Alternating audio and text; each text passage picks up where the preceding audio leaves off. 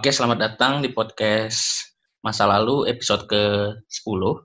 Masih bareng gua Farid dan rekan gua Fijar. Jar. Uh, di episode ini kita bakal apa ya lebih kayak ngobrol aja sih ngobrolin tentang film kalau sebelum sebelumnya kan kita kayak udah bahas apa itu udah pernah bahas buku kita udah pernah bahas tentang peristiwa-peristiwa menarik kita juga pernah bahas tentang mata kuliah gitu oh ya thank you juga buat uh, salah satu kawan kita yang udah dengerin yang udah ngirim email dan DM kita buat diskusi lah tentang tentang sejarah hmm. yang lain yang lain juga bisa kalau pengen ngirim pertanyaan-pertanyaan atau diskusi ke email kita di podcast masa lalu gmail.com atau di akun personal kita masing-masing aja ya. Ya, betul. Uh, mungkin kita langsung mulai aja, gak usah lama-lama lah ya. Setuju, Jar? Mm -hmm. Ya. Setuju banget. Oke, okay. Ki... Men, uh, kita nggak usah kita nggak usah ngurutin list deh kayak biasa biasanya kita ngobrol aja. Hmm. Lu kalau ditanya film atau lebih spesifik lagi film sejarah ya, entah itu fiksi mm -hmm. atau non fiksi lu di di top of mind lu tuh pertama kali apa jar? Film apa? Yang di apa? Di top oh, of film. Ya di mm -hmm. lu paling pertama itu apa ketika ditanya film sejarah misalkan? Kalau yang terlintas di pikiran gue ketika ngomong film sejarah itu film G. Film G menarik banget. Karena apa ya uh, jadi gue punya punya kesan sendiri sih terhadap film itu. Jadi waktu gue SD mungkin itu salah satu film film apa ya? Film film serius lah dalam tanda kutip. Film serius pertama yang gue tonton dan gue terpukau gitu. Bahkan gue bisa mencerna itu uh, di usia gue yang 9 atau 8 gitu gue lupa. 9 9 8 10 lah itu. Lupa gue uh, ini uh, apa namanya kelas berapa eh gua kelas itu film 2005 ya sekarang gua nontonnya 2007-an lah kayaknya. 2007 mau okay. ya kelas 5 tuh berapa tuh 11 ya 10 11 lah. Nah uh, jadi ketika gue lagi nonton sama keluarga gue di TV gitu kan terus uh, gue nanya Gi itu siapa? Oh terus ibu gue yang jelasin. Jadi ibu gue tuh sering banget kenalin tokoh-tokoh dunia ke gue, tokoh-tokoh politik terutama. Jadi dia bilang Gi itu yang dulu ikut men apa namanya melengsarkan Soekarno pada saat itu gitu oh iya yeah. gue baru gue baru baru ikutin filmnya dari situ nah terus uh, ya udah gue langsung attach ke apa ya, ke sosok Gi itu bahkan ketika apa namanya ketika ada scene di mana Gi itu diserang kan dia dilemparin kertas apa batu gitu. Dilemparin hmm. sana terus ditulisnya Cina PKI kalau nggak salah atau Cina komunis gue lupa. Terus ibu gue nanya itu kenapa ya? Kok dia uh, apa namanya dia di dikasih kayak gitu gitu dikasih tulisan kayak gitu. Terus gue gue inget banget gue ngejawabnya. Karena waktu dia nurunin Soekarno dia ikut protes dan waktu Soeharto udah jadi presiden dia ikut protes lagi. Jadi gue gue masih gue masih gue masih inget banget gue jawab itu karena gue gue nonton itu uh, serius banget coy jadi mungkin itu sih kesan kenapa gue yang terlintas film sejarah itu adalah lagi uh, ya karena itu karena ada ada memori yang dibangun dalam apa ya dalam dalam ingatan gue gitu. Kalau sendiri gimana? Ya uh, gue gue gue nimpalin sedikit ya. Itu mm -hmm. lu, lu jawab begitu ketika pertama kali nonton jar? Iya. Gokil emang lu. Lu kritis sejak dini lu emang jar. Enggak maksudnya soalnya gue ngikutin gitu ngikutin oh oh dia punya masalah ini oh terus dia bilang gini. Jadi kayak itu udah udah ini kayak ngalir aja gitu sih. Jadi gue udah udah oh oh ke sini oh arahnya ke sini gitu. Uh keren banget sih gitu gitu nggak masuk di ini gue sih. Maksudnya gue oh, ada iya. ada ada pertimbangan-pertimbangan sendiri. Iya, iya. Kenapa nggak masuk? Atau gue gue suka, maksudnya gue gue bakal nonton itu, tapi uh, eh, gue bukan bukan menjelekkan sih, tapi lebih ke apa ya? Lebih ke tidak suka Gi digambarkan di situ tuh seolah-olah apa ya perfect banget menurut gua satu-satu hal satu-satunya hal yang buat Gi tetap jadi manusia itu ketika dia ditolak cintanya di dalam film itu kan. Mm-hmm. selebihnya aku gue ngeliat kayak sosok idealis mampus banget tuh di film itu kayak kayak terlalu mengawang gitu ya? Iya tapi di satu sisi gue gue gue tahu sih itu. Itu itu film muncul di awal-awal reformasi lah maksudnya dibikin kan dia risetnya juga panjang sekali ya. Gue pernah dengar apa diskusinya Mas Riri sama eh Mas Riri sama Mbak Mira, Mbak Mira memang memang dia risetnya lama dan tujuan dibikin film itu sebenarnya buat buat kayak ini sih memang buat naikin semangat anak muda buat lebih kritis lagi. Kalau hmm. kalau itu tujuan memang memang dapat dan gak sedikit orang yang akhirnya ketrik ketrigger sama Gi kan ke sosok betul, betul. nonton film itu. Uh, tapi gue lebih banget sih. Gue lebih lebih, lebih, lebih ke personal sih. Maksudnya kenapa itu sosok sosok di dalam film itu sebenarnya lebih cocok buat Arif Budiman kata gue. Hmm, justru kakaknya ya kalau menurut Ya, jadi gitu nggak nggak atau nggak nggak apa nggak tipikal orang yang kaku nggak tipikal orang yang apa ya ibaratnya kalau kalau gue dari baca-baca apa tulisan-tulisan kawan-kawannya gitu orang yang humoris, humble sama kawan-kawannya, kocak di tongkrongan gitu misalnya. Dia di situ di ke sana kaku banget. Malah bahkan adiknya sendiri eh, namanya Shane itu mengakui bahwa harusnya toko itu lebih melekat kepada Budiman. Tapi ya itu itu itu personal sih maksudnya. Tapi kalau as film itu bagus memang. Gua akuin bagus. Apalagi buat kita yang tinggal di pernah tinggal di Semarang ya.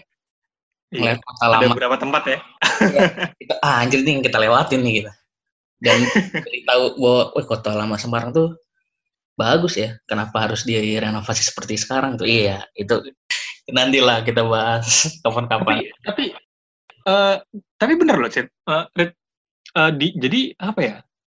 Yang sekarang uh, dulu itu banyak film yang diambilnya di Kota Lama Semarang. Banyak banget. Di jembatan Berok yang di perempatannya itu, perempatan mau lurus itu tuh. Perempatan hmm. apa? Dari jalan dari arah Jalan Pemuda. Ini buat untuk yang di yang di luar Semarang nih, gue kasih gambaran aja. Jadi ada perempatan itu perempatan ada jembatan terus lurusnya perempatan itu udah kawasan kota lama semua itu ada gedung Bank Mandiri ada terus di sananya ada gereja Belenduk itu banyak tempat tempat syuting film di sana. Jadi kayak film Soekarno Cokro Aminoto kalau nggak salah juga. Terus ada yeah. film Gi. Nah terus ya udah uh, gara-gara renovasi mungkin nggak tahu karena ini ya karena karena uh, pengen menarik wisatawan. Gua nggak ngerti tujuannya mungkin itu. Tapi justru malah itu meng, itu membuat para pembuat film itu nggak tertarik lagi untuk syuting di Semarang gitu. Jadi iya, dan udah, dan udah lain banget ini jadi lebih susah pasti ya betul sekali dan kesan kotor bukan kotor sih kesan lamanya itu jadi hilang kata gue mm-hmm. itu persis dengan apa ya ibaratnya tuh kalau lu datang ke sebuah museum tuh angkernya hilang men Kalau kata gue ya. Iya, iya. Benar-benar. Yang kita pengen, gua, uh-huh. yang kita sorry gue, ya. Yang kita pengen dapat dari suasana old atau lama itu kan jiwanya, bukan bukan tempatnya bagus di foto apa enggak. Itu bonus lah. Misalkan, yeah. kalau sekarang jadi lebih, gue ngeliatnya, ya gue belum pernah secara langsung datang ke titik-titik tertentu sih. Cuman gue lihat dari beberapa foto teman-teman yang datang ke sana kayak anak nakal dibikin jadi anak pinter gitu susah kayak yang lihat memang nah lagi lu keren banget. Anak nakal dibikin jadi anak pinter nggak pas sih Enggak, tapi tapi benar tapi benar. Uh, kayak gini deh. Nih uh, yang paling dalam tanda kutip ya dalam tanda kutip mengganggu pandangan mata gue ya itu telepon uh, box telepon. Box teleponnya box telepon Inggris pak. Box telepon London. Itu kan ini nggak nyambung banget. Itu apa ahistoris bukan ahistoris malah itu udah nggak nggak nggak harusnya di sana gitu loh. Iya. Apa yang tau nggak ya yang pon box merah itu? Pon box merah itu ada di, ya? di di sekitar kota lama tuh ada di beberapa tempat dan itu gue mikir ini kan bukan di ini bukan India Belanda ini bukan uh, Belanda bahkan ini tuh Inggris gitu loh maksudnya ya kesan oldnya atau kesan antiknya mungkin ada tapi tidak pada tempatnya berkata lo tadi jadi anak nakal mungkin terus ya udah anak nakal dipakein didandanin deh gitu aja. Iya nggak pas bener. kan? kecuali kalau telepon telepon koin lama tuh yang telepon dimasukin di situ. masih bisa lah ya itu ya. Masih oke okay lah. Pun kalau memang ada gue lebih setuju untuk tidak di renov bagus gitu loh. Maksudnya kotak apa biliknya itu dibikin ya udah yang kayak kropos kropos gitu aja. Uh, oke okay, balik balik lagi ya. Misalkan lo ada yang lagi mau tambahin nggak jebalin gitu enggak paling ya itu sih uh, mungkin kita jadi perlu ini sih, perlu apa namanya? Perlu spot-spot syuting film. Eh, film kan ngomong film sejarah itu kan eh, bukan masalah ketepatan lokasinya, tapi lebih ke nuansanya kan atau ada pra, ada feel-nya yang digambarkan di setiap potongan gambar itu. Dan susah sih kalau menurut gua untuk nyari di mana lagi. Beberapa film pakai latar pakai latar belakang sejarah, ya sulit untuk mencari tempat seperti itu gitu. Paling enggak eh, di kota lama eh kota tua Jakarta kota tua Jakarta itu juga udah mulai campuran kan, udah ada udah ada uh, unsur yang sekarangnya juga untuk unsur modern juga udah ada. Dan itu sih kota, Gue kota tua malah malah lebih nggak masuk sih sekarang. Iya lebih masuk lagi kan, lebih parah lagi ya. Nggak masuk. Lebih parah lagi malah. Gak itu paling kalau ini sedikit ya sedikit lagi aja deh. Ini soalnya oh. karena kita punya kedekatan kedekatan personal sama Semarang di kota lama gitu terutama. Iya iya. Gue ada ada ada gue pernah nonton satu film judulnya Tanda Tanya. Pernah pernah? Hmm, iya betul betul. Itu kan di Semarang kan. Mm -hmm. Yang main Rio Dewanto. Gue gue ngeliat film itu ya, gue jadi kayak ngebayangin kota lama kota lama tuh ada di dekade eh dekade ada di beberapa abad masa lalu loh. Iya, iya. Kehidupannya yeah. kehidupan di kota lama yang sudut-sudut belakang itu benar-benar hidup kayak orang lalu lalang, ada orang jualan, ada orang interaksi. Ngeliat, wah ini jangan-jangan dulu seperti ini ya kehidupan di kota lama itu. Sebelum akhirnya mm -hmm. Di ditinggalin beberapa kantor aja dan sisanya kayak orang-orang homeless kan yang yang banyak di kota lama itu. Hmm. Gue rasa tuh betul, betul. eh perlu tuh ditonton tanda tanya kalau buat kawan-kawan yang belum pernah denger atau belum pernah nonton film tanda hmm. Terus salah satu film bagus sih menurut gue dari sinematografinya oke, okay, ceritanya juga oke okay lah. Uh, hmm gue uh, gue lanjutin aja ya kata misalkan gue ketika okay, okay. Uh, film sejarah yang ada di otak gue itu apa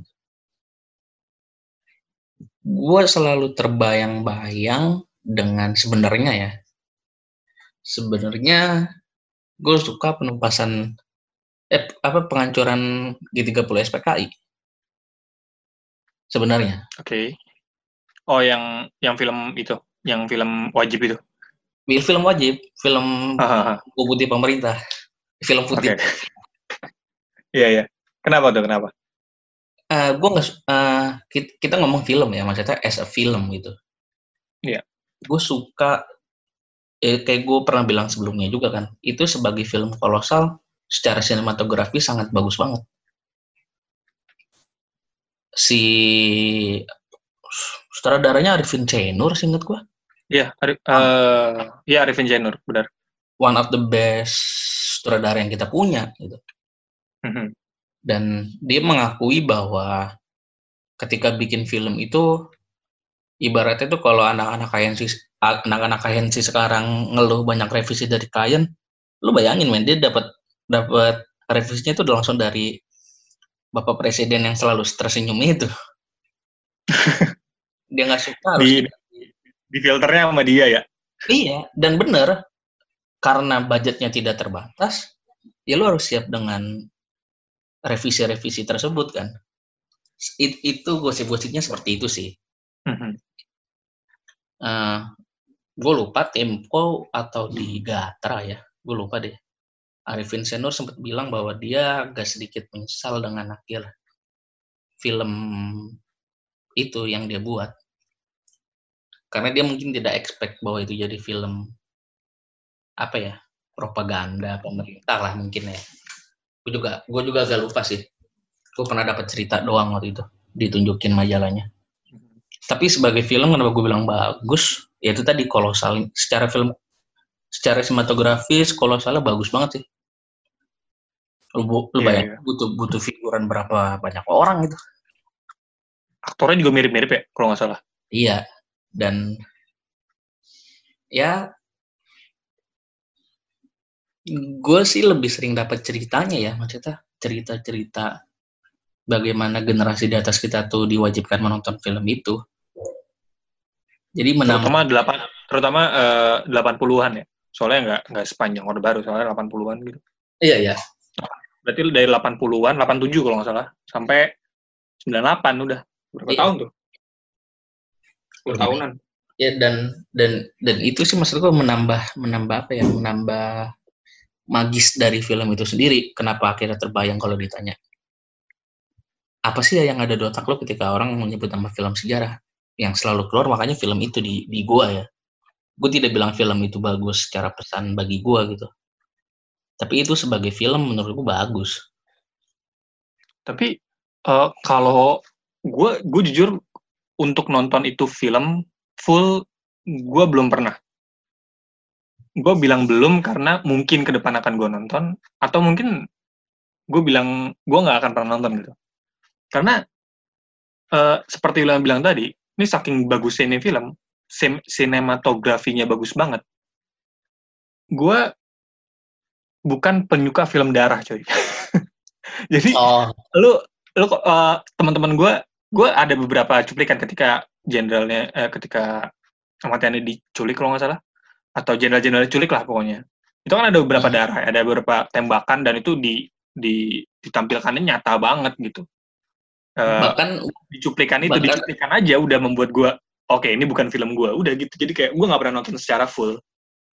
Oh iya iya. Gitu. Jadi gue bahkan masih lebih kesel lebih ke apa ya? Lebih ya terus setelahnya kan apa namanya uh, itu waktu gue SMP kalau nggak salah itu pada nobar. Jadi pada eh pengen bukan bukan wajib sih pengen tahu aja filmnya. Akhirnya guru gue download terus uh, nonton bareng akhirnya. Udah gue pas sudah lihat bagian itu aja gue masuk lihat bagian itu aja keluar. Habis itu gue gue nggak emang emang emang nggak suka film itu sih. Maksudnya film jenis itu. Gue nonton oh. uh, pokoknya nggak berani deh gue kalau darah darah gitu Iya, bahkan di salah satu adegan gue lupa ya, yang ketika ditembak darahnya tuh diambil, diambil di ini di ditaruh ke muka gitu sambil nangis. Itu oh iya iya iya. itu bahkan itu salah satu adegan paling gila uh-huh. yang pernah dibuat dalam film tuh gue rasa. Iya iya. Skenario nya kan ditulis sama Arswendo kok nggak salah? Arswendo iya Arswendo juga pernah nulis buku itu kan buku buku, buku yang novel ya dalam bentuk novel iya nah itu kan setelah dia setelah dia nulis skrip ini sih ingat gue ya Oh, iya iya. Dan, dan dia mengakui bahwa itu diperlukan buat untuk menambah-nambah sisa remaja dan dia memang pada saat itu ya dibayar ya profesional gitu. Gue rasa, seinget gue, gue pernah pernah hmm. nemu satu wawancaranya dan banyak adegan-adegannya ya itu tadi di, di perbolanya gila banget sih. Makanya gue bilang sebagai film secara sinematografi cerita itu oke okay bagi gue tapi secara pesan dia ber, dia berseberangan lah dengan apa yang gue yakini atau yang gue percaya gitu misalkan ya. Benar sih benar-benar tapi dari kalau itu kan dari sinematografi ya? Mungkin hmm. Kalau misalnya tadi lu uh, lebih uh, lebih bukan menghindari sih lebih apa ya lebih kurang fok, uh, kurang kurang membahas atau kurang fokus di apa namanya di sisi ideologisnya. Kalau menurut tuh, uh, gue nggak ngebahas film itu secara spesifik, tapi uh, yang jadi concern gue, emang film sejarah itu uh, uh, mil, uh, apa namanya ya harus harus bebas lepas dari ideologi atau gimana sih menurut lo gitu? Enggak lah. Enggak ya? Pasti ada ya? Pas ya sama kayak sama nggak tahu ya gue gue selalu benci bahwa media itu harus netral misalkan gue tidak percaya mm -hmm. hal itu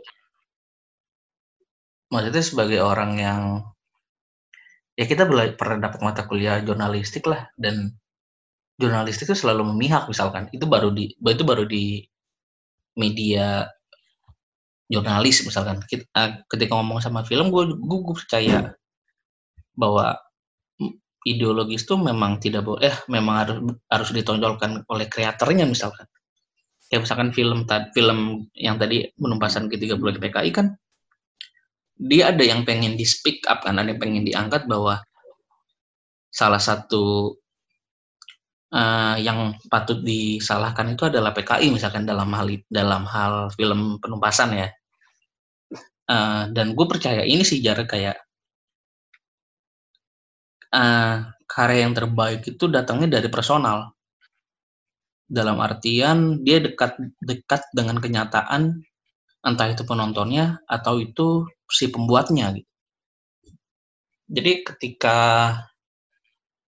suatu karya itu berbicara tentang suatu ideologi, gue tidak ada masalah. Bahkan sekalipun itu bertentangan dengan apa yang gue yakini, kayak misalkan contohnya film tadi penugasan ke-30 SPKI gitu kan. Gue tidak percaya dengan narasi pemerintah Orde Baru gitu. Kalau lu gimana? Gue gue sama sih. Maksudnya setiap setiap film baik itu sejarah ataupun bukan sejarah, itu pasti punya satu pesan cuy. Maksud gue, pasti punya satu nilai ideologis, nilai satu nilai ideal yang coba untuk disampaikan lewat film. Karena dia kan media kan.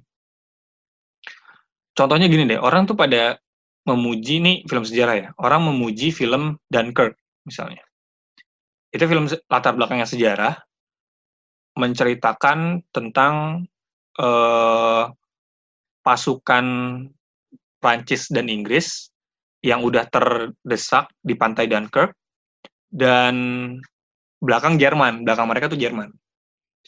Nah, yang bikin apa namanya yang bikin uh, ini salah satu peristiwa sejarah yang heroik, bukan heroik sih, menarik adalah keputusan Hitler untuk menahan serangan. Jadi itu istilahnya semua orang itu pasukan pasukan sekutu itu udah ada di pinggir pantai.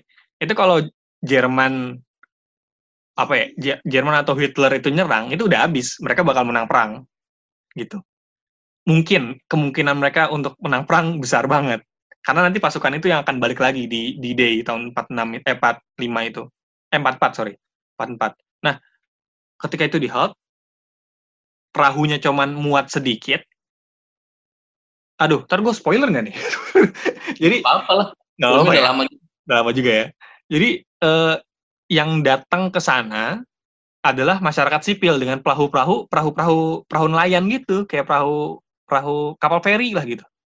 Bukan hmm. kapal feri, bahkan kapal roro yang lebih kecil lagi. Mereka datang ke sana jemput jemput militer gitu. Nah, eh, pesan yang coba mungkin disampaikan adalah itu sejarah besar, tapi melibatkan masyarakat kecil. Jadi, sejarah Perang Dunia Kedua itu bukan hanya tentang sejarah militer, sejarah politik, tapi juga bagaimana keterlibatan masyarakat, keterlibatan orang-orang sipil itu dalam perang yang konteks global itu. Itu yang itu pesan yang gue tangkap sih ketika gue ngelihat endingnya, ketika gue ngelihat apa pesan yang coba untuk disampaikan ya gue ngelihatnya itu. Jadi ini juga nggak lepas dari ideologis, ini nggak lepas dari satu pesan atau satu bentuk ideal bahwa uh, ya yang namanya perang itu pasti melibatkan sipil, sipil sebagai korban atau sipil tampil sebagai apa namanya sebagai orang-orang yang terlibat di sana gitu. gue melihat film itu uh, satu yang tidak gue suka bahwa kayak apa ya ini sebenarnya kan yang lagi di jadi jadi alur cerita utamanya kan lu kalah perang. Mm-hmm. endingnya seperti menang ya? Kenapa? Endingnya malah seperti menang ya? Iya. Tapi tapi tapi ya itulah maksud gue ketika lu kalah tapi memang tetap harus ada yang dirayakan misalkan. Oh iya benar, benar. salah satu kalau berhasil pulang pun juga sebenarnya itu itu it's okay lah. Tapi yeah. Gue gue tidak tidak tidak suka di endingnya karena terkesan seperti menang aja sih. Ada ada kesan kemenangan gitu ya? Iya tapi kalau tapi itu lebih ke menurut gue ngeganggu ceritanya aja sih bagi gue ya. Mm-hmm. di dari dari apa dari apa yang ditampilkan tuh terlalu berlebihan bagi gue tapi tapi itu sangat personal maksudnya kenapa nggak suka ya karena karena ya itu tadi karena karena penggambarannya terlalu bagi gue berlebihan. Kok nggak salah yang bikin Christopher Nolan ya? Iya Christopher Nolan. Lo pasti suka dia tuh Jar, yakin gue. Iya Batman, Batman, The Dark Knight. Uh, tapi iya sih maksud gue uh, itu itu poin yang yang pengen gue sampaikan bahwa sebenarnya sulit untuk bahkan film yang dalam tanda kutip sengaja mungkin dibuat tidak ada unsur-unsur politik di sana, tidak ada unsur-unsur uh, apa namanya unsur-unsurnya ideologis yang uh, sangat kental di sana, itu pasti punya satu satu pesan yang kuat banget disimbolkan di sana gitu.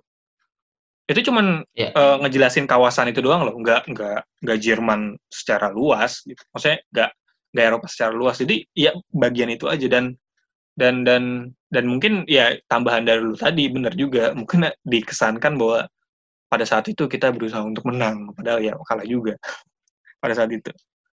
Ya dan gue ya ah, pada akhirnya kan kita sepakat ya bahwa ideologi tidak bisa dilepaskan pada akhirnya kan. Mm-hmm. dan dan sedikit atau banyak pasti ya pasti pasti dimunculkan di dalam film. Tapi menurut gue ya salah satu orang paling gila yang bikin, pernah bikin film akhirnya nge-twist pemain-pemainnya sendiri itu jagal men. Jagal. Oh ya. Yeah. The Act of Killing. Joshua Oppenheimer kalau salah bikin. Gue lupa. Mm -hmm, Joshua Oppenheimer. Dia kan ceritanya pengen bikin film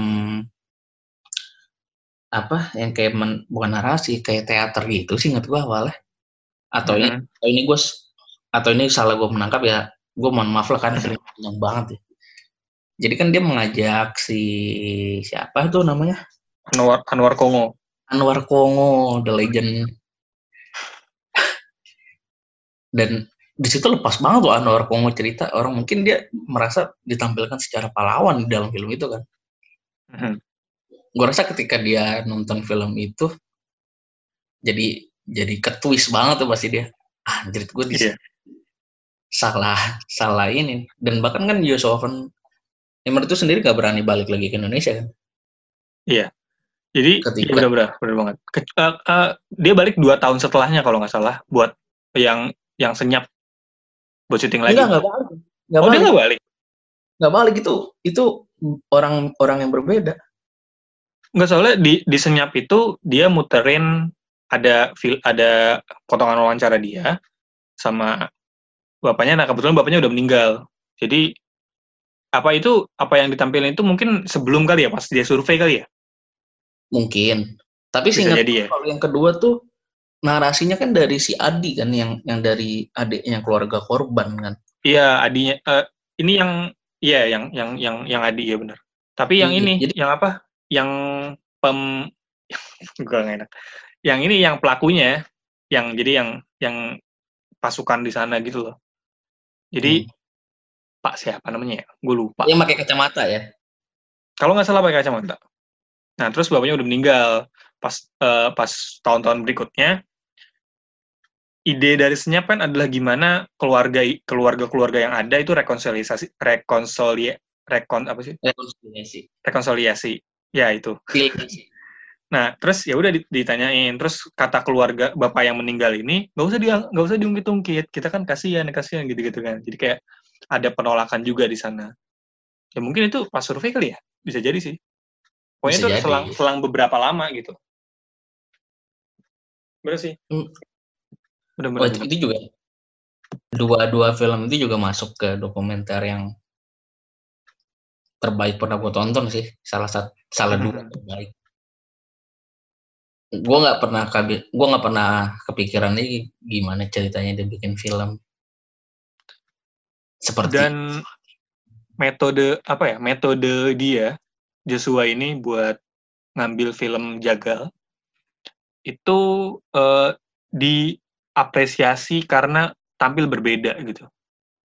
Dia kan dalam tanda, dalam tanda kutip filmin orang yang disuruh bikin film. Jadi Pak kita mau buat film nih tentang gini gini gini gini. Coba Bapak nanti yang bikin eh, narasinya, bikin ininya, bikin ininya nanti saya saya filmin gitu kan.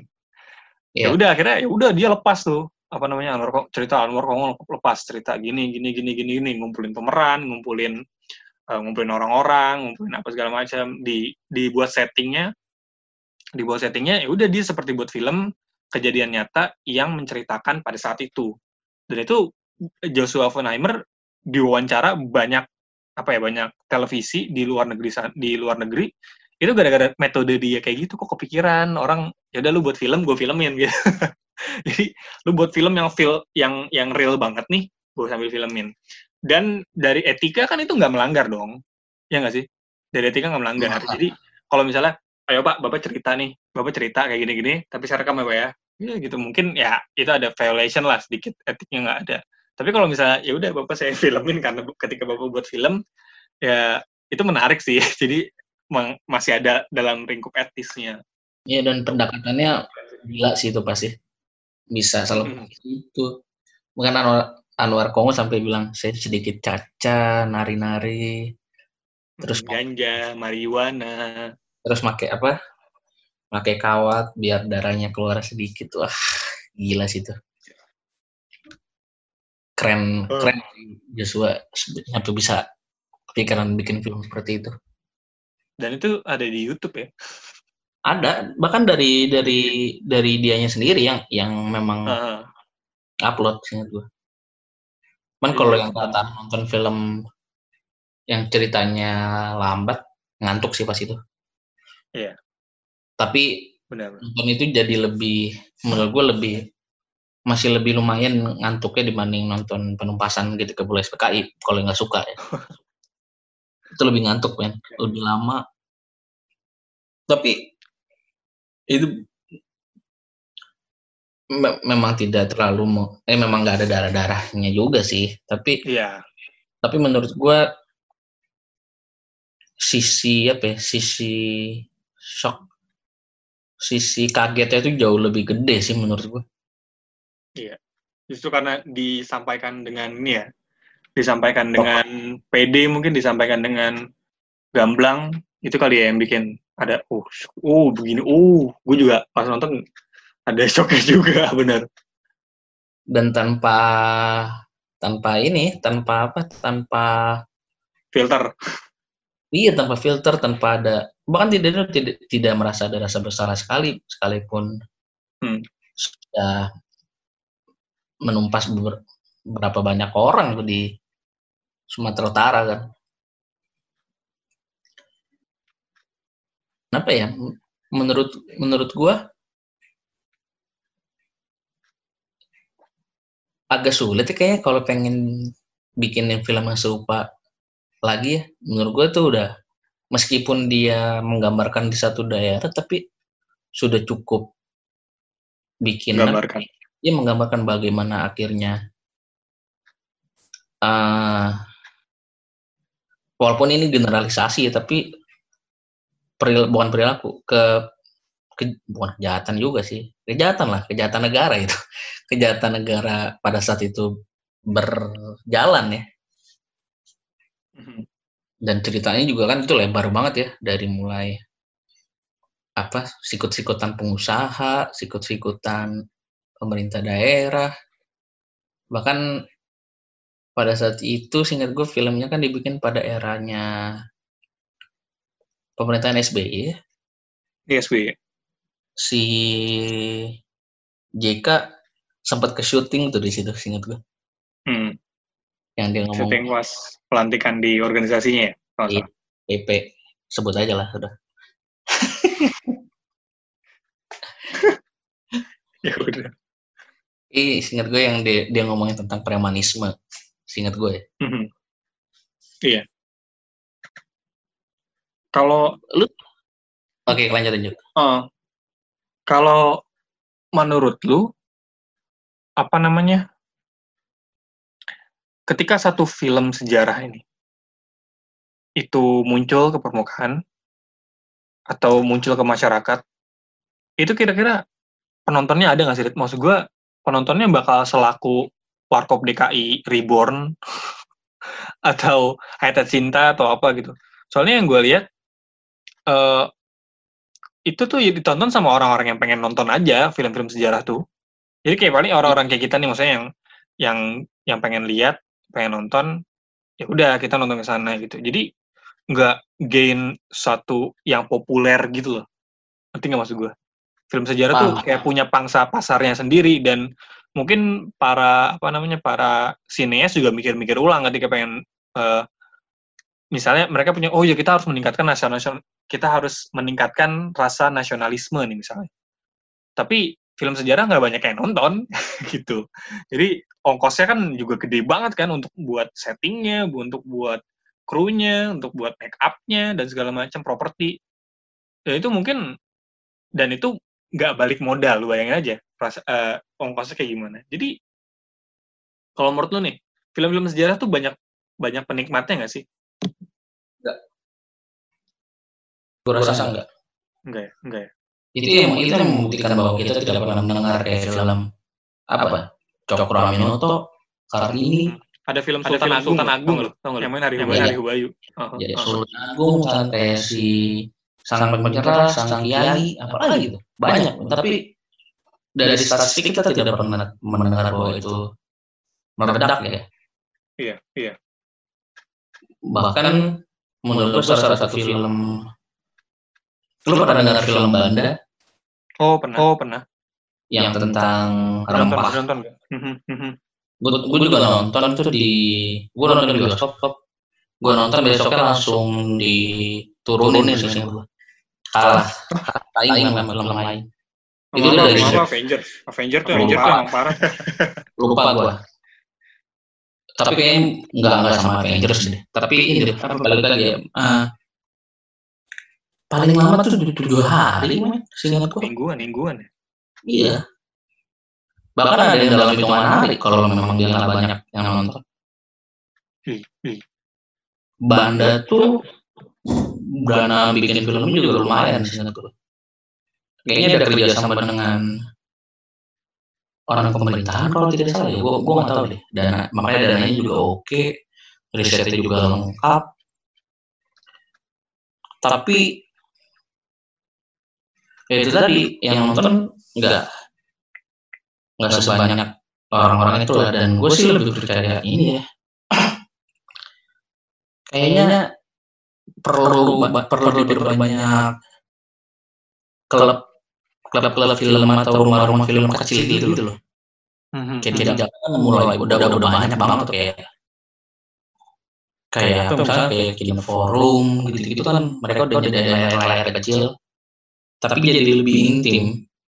dan dan gua nggak tahu ya misalnya orang-orang yang bikin film itu memang tujuannya tujuannya lebih ke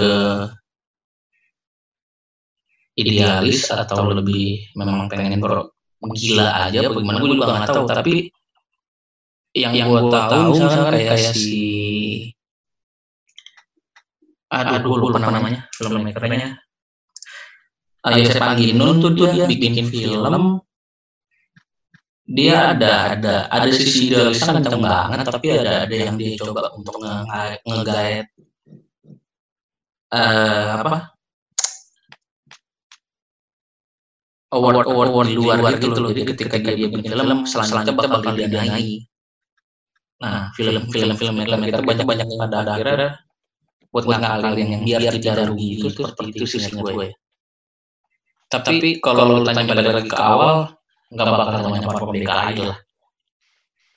Gue juga bingung itu kok film bisa di atas banget ya?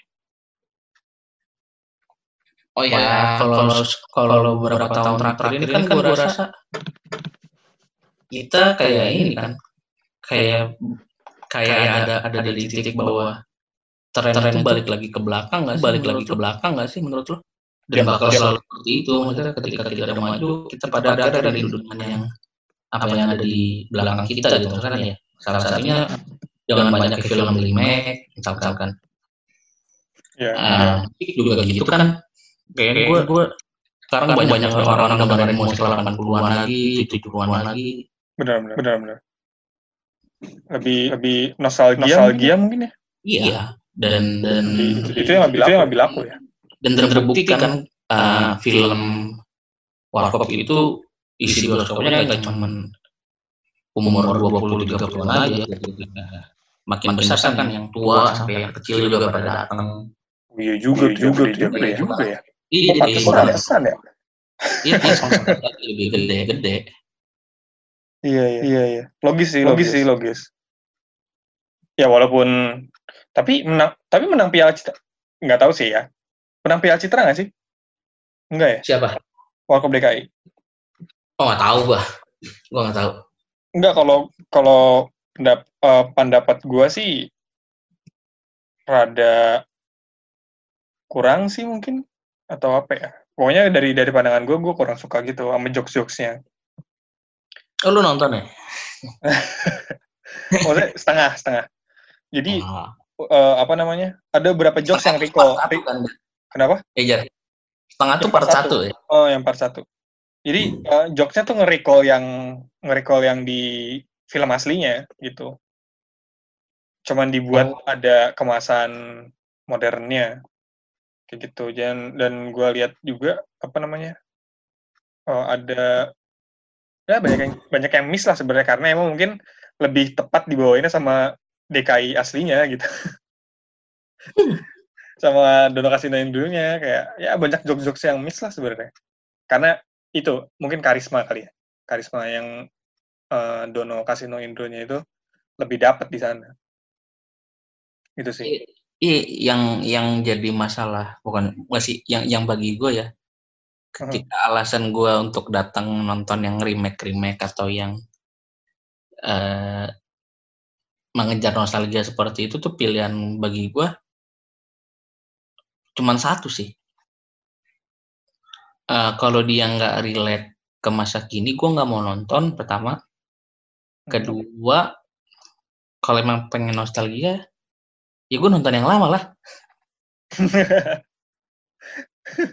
ngapain gue harus nonton yang versi baru tapi cerita lama? Itu kan itu itu jadi masalah bagi gue karena itu tadi lu nggak bilang apa lu bilang tadi bahwa dia pakai jokes jokes lama. Kan jokes itu nggak nggak kontekstual dengan sekarang ya. Iya. Benar-benar banget. Tapi kalau misalnya ini gue baru ini ya baru uh, karena gue udah dewasa jadi gue boleh nonton warkop secara bebas karena waktu kecil nggak boleh nonton bebas sama bokap gue ya ditemenin gitu kalau nonton dono, nonton dono tuh kan. Gue kan sebutnya kayak dono doang kan kan karena dia yang yang biasanya paling dibully atau apa jadi film oh film dono nih film dono gitu. Udah ada yang dua sisanya. Nah itu dulu gue waktu kecil di jangan nonton ini banyak perempuan pakaian seksi atau apa gitu kan. Jadi dijagain mungkin atau segala macam jadi atau uh, apa namanya di nggak bolehin lah kalau misalnya ada adegan kayak gitu. Nah sekarang udah dewasa udah nonton lagi gue. Nah uh, yang gue tapi gue fokusnya nggak ke sana. Fokus gue justru malah film-film Dono Kasino Indo itu uh, menggambarkan suasana kota Jakarta pada saat itu itu yang gue suka. Jadi mungkin lu uh, ngelihat jembatan Semanggi, ngelihat uh, ngelihat Monas. Ingat banget di film Chip gue ingat banget. Itu uh, apa namanya? Ya kami uh, mengarah dari Cawang menuju bypass. Nah, bypass dalam pikiran gue itu itu uh, apa namanya? yang jalan bypass sekarang gitu loh, yang yang apa? Yang di Jatinegara itu kalau nggak salah tuh, daerah sana ke arah Halim sana. Oh, iya. Uh, terus jadi pandangan gue udah crowded crowded banget, pasti banyak macet. Ini orang ngejar gimana? Itu jokes yang eh itu uh, uh, apa namanya? hipotesis jokes yang ada di pikiran gue. Tapi ternyata pada saat itu bypass tuh kanan kirinya masih plong gitu. jadi masih masih tanah lapang gitu pak. Jadi kayak kanan kirinya ada pohon-pohon kecil gitu lah udah. Oh ternyata oh bypass begini ternyata dulu ya. Maksudnya ya tanah lapang gitu ada ada tanah lapang kanan kirinya terus ada jalan lurus aja gitu dari Tanjung Priok ke ke mana ke ke arah Cawangnya itu tadi dan dan dan itu membuat gue uh, oh ternyata gambaran gambaran tentang Jakarta itu bisa dilihat di film-film Warkop itu. Itu sih. Wah, itu film film sejarah berarti ya. Yeah. Maksudnya yang bisa yang bisa bawa satu sisi apa ya? Satu sisi uh, satu sisi historis mungkin kalau menurut gue. Ya kayak ya, dan banyak uh-huh. banyak ini kan kayak meskipun nggak sebanyak di drama radionya ya sindiran-sindiran uh-huh. politik ya walaupun nggak sebanyak kayak di radio mereka kan awalnya dari Prambors iya. Walaupun nggak sebanyak seperti di radio tapi ada statement-statement politik yang memang mereka pengen sentil sih beberapa. Betul betul betul banget. Apalagi kayak kasino dono terus sering tuh. Kalau aktivis aktivis juga dulu ya? Iya semuanya sih itu hampir semuanya. Uh-huh. Ya kan salah satu pendiri warkop juga kan Rudi Badil kan. Anak enam yeah. anak enam enam juga tuh. Cuman dia punya masalah dengan demam panggung ketika ke film sama nampil singkat gue akhirnya dia hmm. mundur itu di Prambors juga lebih gila-gila lagi tuh kalau pernah dengar mereka cerita ceritanya ya sandiwara sandiwara radionya tuh. Wah sinting gitu.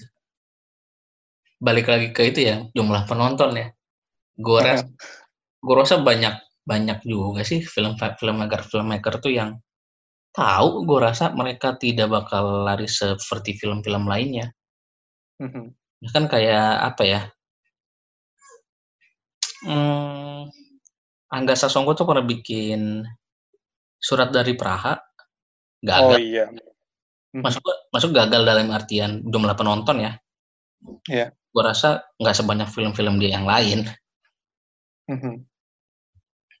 Itu itu nggak itu dari statement politik lumayan kencang. Bahkan risetnya juga dalam. Tapi dari penonton gue rasa tidak gue gue gue nggak sempet denger itu. Gede sih. Maksudnya berapa jumlah penontonnya gue nggak ingat. Uh, mungkin kalau dari Angga yaitu yang pernah kita bahas kemarin kayak film apa? Hmm, kayak dari timur. Itu oh ya itu kan juga memang akhirnya dia menang piala citra segala macam kan penontonnya juga oke. Okay. mm -hmm. itu paling terus sama apa ya? Film sejarah yang penontonnya banyak. Gue nggak pernah dengar lagi sih itu apa ya? Lo pernah dengar? Indonesia ya? Soekarno mungkin ya? Ya nggak sih? Oh iya benar-benar. Ya benar Soekarno sama ini sang kiai paling. Sang kiai. Sang kiai. Kasih Masyari iya. Mm-hmm. yang nonton sarungan semua kan tuh enggak ya? Oh nggak tahu deh. Ya nanti sarukan semua. Iya jadi kayak berdoa pesantren ya. Tapi iya. pesantren ada seribu orang udah seribu itu ada sepuluh ribu pesantren ya udah sepuluh juta penontonnya. Iya benar. Soekarno cukup cukup ramai diobrolin juga ya. Iya soalnya nah itu dia. Jadi film Soekarno ini kritikusnya datang dari keluarga ya? Datang dari keluarga tapi umumnya yang gue ngelihat polanya itu dari dua pihak dari sejarawan sama kritikus film. Dan itu bertentangan gitu loh. Secara film oke. Okay. tapi secara entah itu akurasi sejarah atau pokoknya banyak banyak hal-hal yang berkaitan sama sejarah yang dikritisi sama para dalam tanda kutip apa namanya Komen, ah, bukan komentator sih. Eh, para uh, sejarawan-sejarawan ini gitu. Jadi kayak oh ini kurang tepat nih. Oh ini begini begini harusnya begini harus begini. Jadi kayak uh, mungkin uh, kurang kurang apa ya kurang ada semangat untuk menulis film sejarah atau membuat film sejarah itu karena itu kali ya. Karena mereka takut di uh, di mereka takut untuk mengejar kesempurnaan karena capek kan mengejar sempurna itu.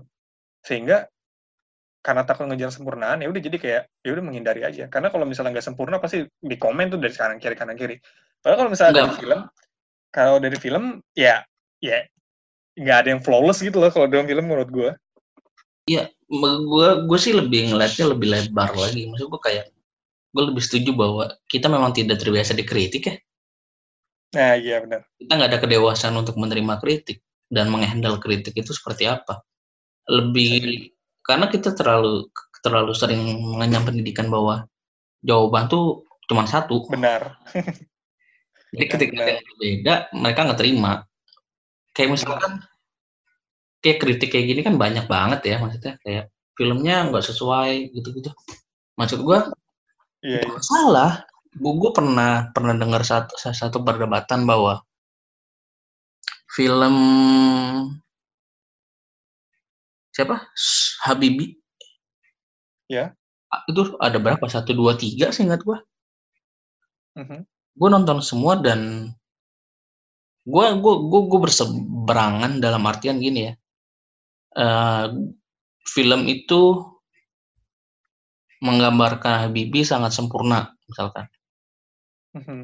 Tapi ya nggak apa-apa, maksud gua itu itu yang ingin dibicarakan oleh filmmakernya, yang di yang ingin dibacakan, yang ingin di yang ingin dikatakan oleh produsernya. Uh, yeah.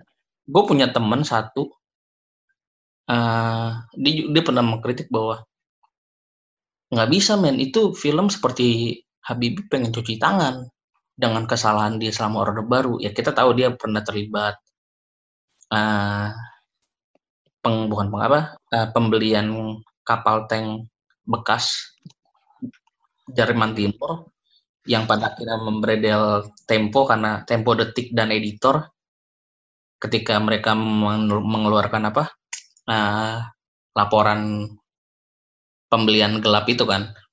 Investigasinya.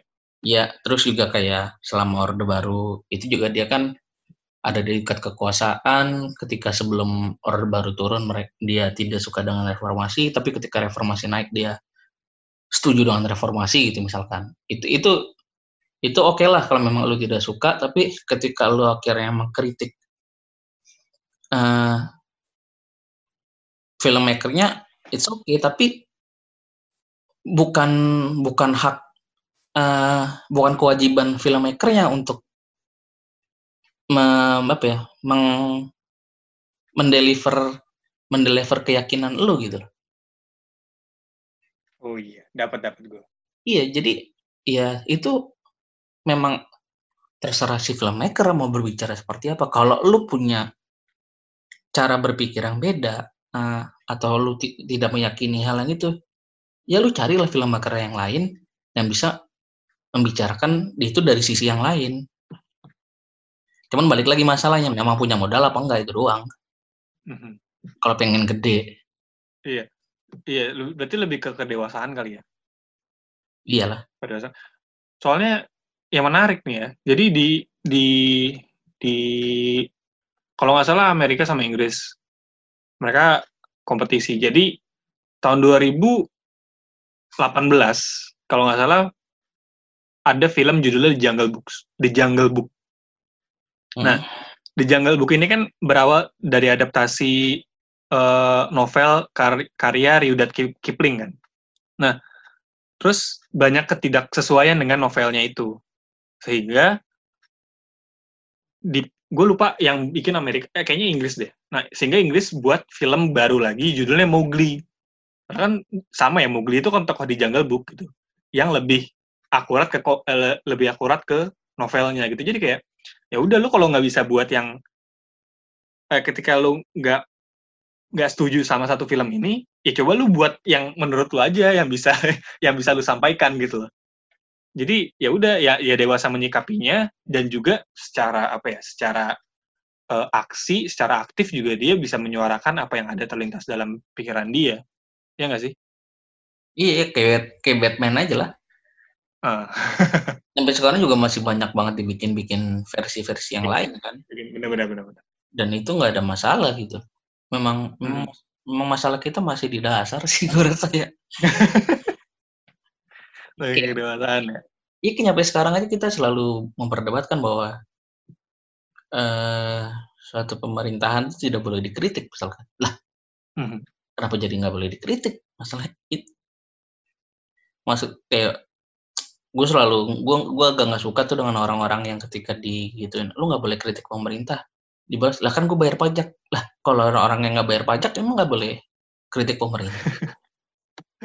Kan kontrak kontrak politik pemerintah itu kan sama konstitusi bukan sama orang bayar pajak men jadi nggak apa-apa maksudnya memang ya kalau kenapa gue bilang ada masalah di dasar ya yang yang kayak gitu selalu diributin kita tapi nggak pernah ketemu titik temunya kan pada akhirnya. Ya kayak kritik kayak kritik tadi balik lagi ke film usah film lah kayak ya kita memang nggak nggak terbiasa untuk menerima kritikan sih pada akhirnya. Kedewasaan juga bener kata lu Iya, iya. Soalnya ke depannya, eh, tap- soalnya gini, Red, tapi ada hal yang positif yang gue lihat. Karena eh, untuk film-film non sejarah, ini filmmaker-filmmaker kita nih udah mulai berani dalam menawarkan satu gagasan yang tidak populer atau idealistik lah. Contohnya, eh, sebenarnya ini udah lama, tapi baru kayak menjamurnya sekarang ini kayak yang kemarin yang menang apa? Yang menang Piala Citra kemarin, Ku- Kucum, eh, Kucumbu Tubuh Indahku, itu Wah. kesannya keren banget kan soal LGBT. Dan dia menang di negara Muslim terbesar di dunia.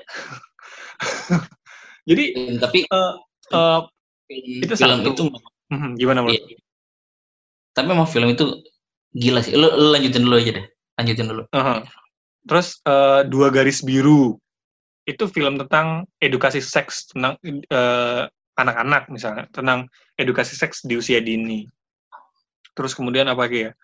Eh, film sederhana deh karyanya novelnya Arswendo tuh keluarga Cemara kan di remake nih. Itu Hmm. menggambarkan kondisi apa namanya? Kondisi eh, satu keluarga yang memang bukan keluarga ideal gitu. Bukan keluarga yang yang digambarkan punya segalanya, punya apanya, tapi dibalik gimana kalau misalnya dulu dalam keadaan seperti ini dan itu yang dicoba disampaikan. Ini bisa saja terjadi di tetangga lu mungkin atau segala macam gitu. Tapi itu menurut Jadi, gua, eh, eh, hmm, keluarga Cemara itu kritik, kritik Arswendo buat keluarga Cendana kayaknya. bisa jadi. Gue kemarin mikir-mikir gitu ya gara-gara kita sempat bahas kan. Jangan-jangan iya. keluarga C sama-sama C lagi kan. sama-sama CE. Iya. Mungkin gara-gara keluarga Cemara itu tinggalnya di Jalan Cemara kali ya. Makin jelas kayaknya. Rumahnya tidak tidak besar tapi ya. Tidak besar tapi. Bisa jadi sih maksud gue, ya itu udah ada pesan-pesan yang coba di, di disampaikan gitu. Udah mulai idealistik dan tidak populer. Terlepas dari kritik yang banyak banget yang ku- kucumbu tumbuh indah kan banyak banget tuh yang yang ngeritik juga. Kemudian eh, apa namanya? Dua garis biru juga. Dilan juga, Dilan nggak apa-apa lah. Maksudnya eh bukan nggak apa-apa lah dikritik, tapi ya nggak apa-apa lah sih. Maksudnya eh apa ya? Udah mulai idealistik gitu loh, kalau menurut gue. Dan gue berharap ini juga ada di film-film sejarah sih. Jadi ya udah lu eh, to- eh, apa namanya? Sampaikan, sampaikan pesan-pesan yang emang lu pengen sampaikan terkait dengan peristiwa atau tokoh mungkin subjek tertentu yang menurut lu memang perlu disampaikan gitu loh. Entah itu sisi Tapi- manusianya atau dan segala macam. Itu sih, itu sih. Iya, tapi itu memang tujuh lima lima sampai tujuh tahun belakangan ini film kita film Indonesia tuh memang naik cukup signifikan ya. Gue salah satu Hmm. Orang yang lebih rela duit keluar buat nonton film Indonesia kalau gue. Mhm. Eh, itu personal memang kayak karena pengalaman pertama kali gue nonton film di bioskop itu SD memang gue nonton film Indonesia Eh, setelah itu gue kayak ngerasa lebih lebih cocok aja itu karena dekat nggak ngawang masuk gue kayak oh gue nonton salju di luar kayak apa misalkan kayak film apa yang di RCT eh sebut nama lagi RCTI yang kalau mau dekat Natal. Natalan Natal. Home Alone Home Alone itu kan cerita Natal. Iya. Gue punya teman Kristen kok di rumahnya nggak ada salju ya waktu itu. Kecil. Gitu. Udah gitu udah gitu lu nya nggak Natalan lagi kan? Iya. lu nggak tahu konteks Natal ya? Iya dan uh, akhirnya gue gue pada saat itu lebih milih buat nonton film Indonesia. Tapi gue mengikuti memang tujuh tahun terakhir ini film Indonesia cukup kencang naiknya mm-hmm, kencang ya, banget salah satu penontonnya juga makin banyak mm-hmm. uh, terus juga kayak film tadi uh, tema-temanya jadi makin beragam yang seperti lo bilang lu sempat nonton Pucung Tumbuh Indahku nggak di bioskop Oh di bioskop enggak, gue nontonnya di mana? Di uh, sama temen gue. Jadi dia ada di Hook apa? Lu gue lupa. Okay. Pokoknya di streaming streaming itu streaming apa? Streaming online gitu. Bukan yang ilegal ya. Iya. Yeah. Tapi gue nonton sama temen gue. Itu juga kan sinting. Statement statement filmnya juga sinting itu. Iya iya. Maksudnya orang-orang orang banyak yang nggak setuju tuh banyak yang lebih ke trigger di LGBT-nya ya. Misalkan gitu. Hmm tapi gue lebih ngeliatnya tuh film emang ngegambarin kayak perjalanan Indonesia loh. Lebih ke ekspresi gak sih? Iya ketika dia kecil bapaknya kerja pulang kalau dikabarin udah meninggal, gue rasa dia terlibat 65 pada saat itu. Ingat Bisa jadi. Iya kan, gue gue gitu di otak gue ya maksud gue ini ini hasil hasil penangkapan gue dari film itu gitu. Mm -hmm. uh, ketika dia kecil dia ngelihat ada dua orang apa dua orang laki-laki dan perempuan bercinta eh ketika ketahuan sama suaminya dipukulin sampai meninggal gitu. Itu kan akhirnya menimbulkan trauma dan hal-hal kayak gitu kan memang dekat sama sama sama kehidupan kita. Maksudnya ada. Walaupun nggak nggak semua orang mengalami tapi kehidupan itu ada di di di kehidupan kita gitu loh. Dia jadi apa keliling-keliling gitu kan. Itu baru baru satu film tuh. Gue bah gue bahkan pertama kali sadar bahwa film kita udah ada di the next level Indonesia ya terutama ya mm-hmm. ada level selanjutnya itu menurut gue ketika gue nonton istirahatlah kata-kata pernah nggak lo nonton? Oh gue belum nonton. Warnanya di siarin di TVRI ya? Iya sempat disayang, ditayangin. Itu yang bikin itu Yosep Angginun. Gue nonton bolos KKN tuh, bela-belain karena gue tau hmm. nggak bakal lama. Tapi gue nggak nggak bilang pengen nonton waktu itu. gue bolos, gue udah nonton, uh, nangis gue di di akhir film nangis nangis itu bukan cuma nangis tapi kayak yang badan lu geter apa ya kayak ketremor gitu loh badan gua hmm. ada 5 sampai tujuh detik uh, filmnya ya perjalanan Wiji Tukul gitu kan. Uh, ketika masa pelarian dia jadi buronan ya. Hidup di dalam satu rumah ke rumah. Uh, lari dari apa? Lari dari kota ke kota naik bis.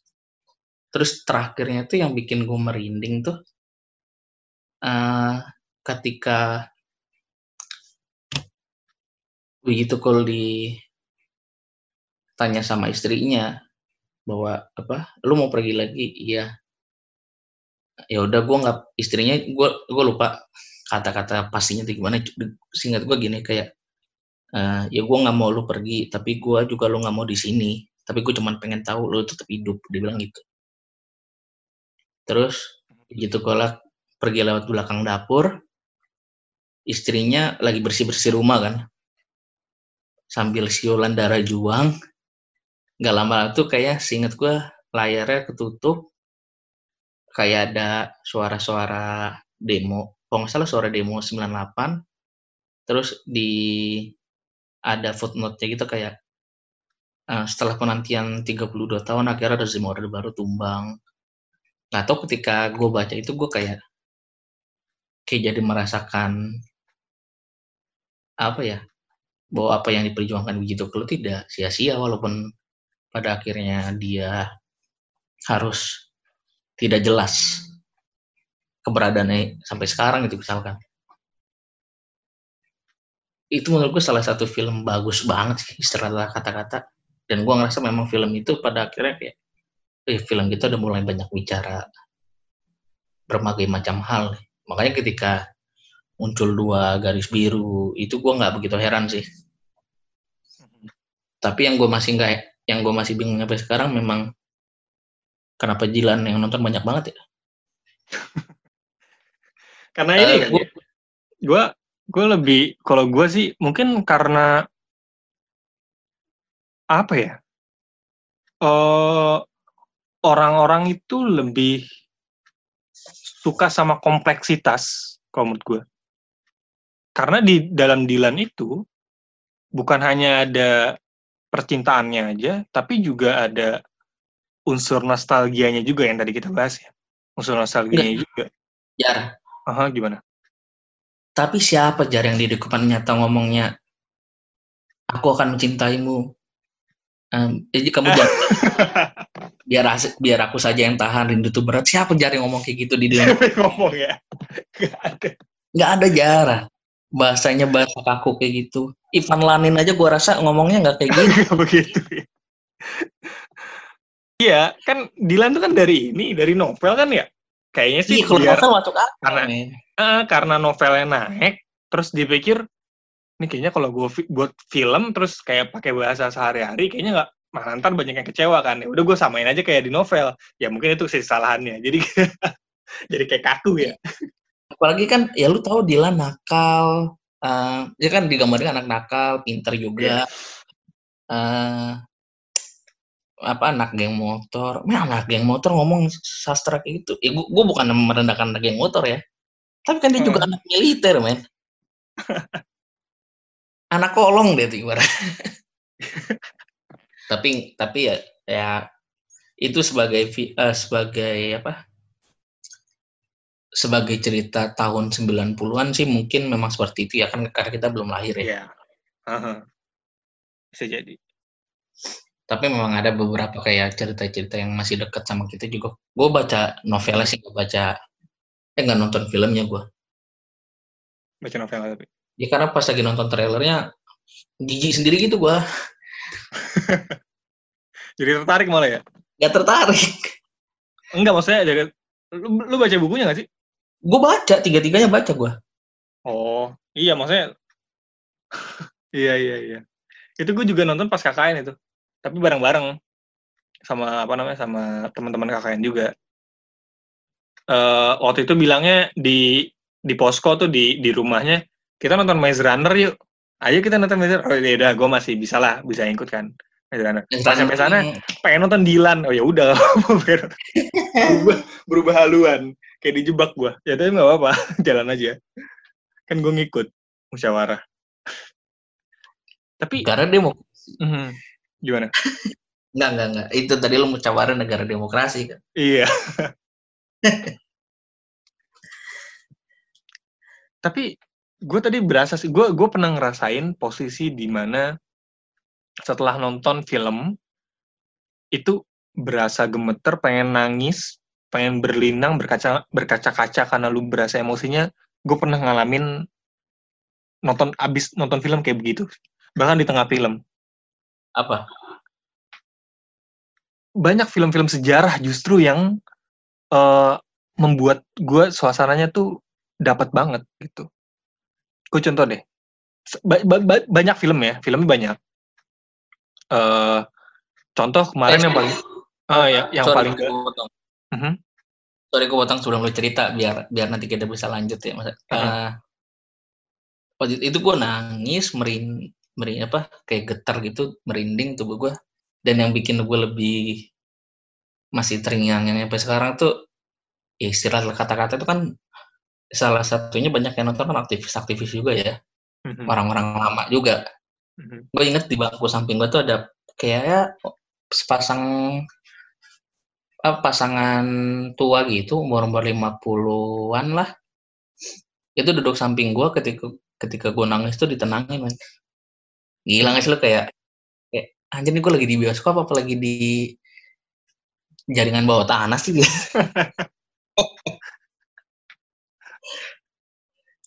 Oke, lanjut lanjut cerita lo. Lo film apa yang lo seperti itu? Uh, yang film seperti itu ada banyak sebenarnya. Banyak uh, beberapa film tuh terutama soal penderitaan ya. Penderitaan rakyat. Ini jujur aja yang paling baru kemarin adalah gue baru nonton film dokumenter sejarah dokumenter melawan lupa.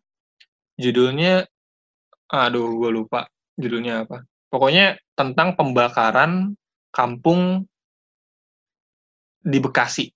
Jadi ketika Bekasi itu dibakar sama oh ketika Bekasi dibakar sekutu judul filmnya nah itu ngegambarin banget apa ya apa yang dikorbankan oleh rakyat pada saat itu, apa yang jadi uh, apa namanya? jadi uh, apa ya, akumulasi perjuangan lah dalam tanda kutip kayak gitu. Itu itu gue ngelihat bahwa ya dampak perang ya itu sampai ke masyarakat sipil sampai kayak gitu. Sampai uh, ada ada apa ya? Ada satu komunitas masyarakat yang nggak bisa balik ke desanya karena dibakar sama sekutu itu gue nggak nggak fokus gue bukan ke tindakan dihadapi sekutu tapi kayak itu orang-orang kecil gimana baliknya itu orang-orang uh, orang-orang desa itu gimana gimana bangun kehidupan mereka kembali mereka udah menghilangkan banyak banyak apa ya banyak harta benda di sana demi satu apa, demi satu cita-cita yang mungkin mereka nggak tahu nasionalisme itu apa Indonesia itu apa mungkin mereka nggak tahu tapi mereka harus meninggalkan itu demi Indonesia. Padahal mungkin mereka nggak tahu apa itu Indonesia. Dan itu yang yang yang membuat gue kemudian anjir nih ini apa ya? Iya dampak perang tuh nih gue mau nangis sekarang nih. Jadi kayak dampak perang tuh uh, sampai ke hal-hal yang paling kecil seperti demikian gitu. Sampai ketidaktahuan orang-orang mereka terlibat dalam perang tuh ada. Kayak mereka nggak tahu perang nih. Mereka nggak tahu tiba-tiba ada apa ada apa ada apa ada apa. Tiba-tiba pesawat ada di atas mereka nembak-nembakin ngebakarin kampung mereka. Dan gue mikir ya ya ya nggak habis pikir aja gitu loh gue maksud gue ya aduh mixed feeling gue nih. Jadi uh, ya aduh bingung banget ya perasaan gue gak bisa digambarin sih maksud gue hmm, gimana pada saat itu perjuangan mereka tidak bentuk dalam fisik, bahkan tidak terlihat seperti berjuang, tapi mereka meninggalkan semuanya. Itu yang ngena banget sih dalam dalam dalam diri gue, dalam dalam emosi gue pada saat nonton itu.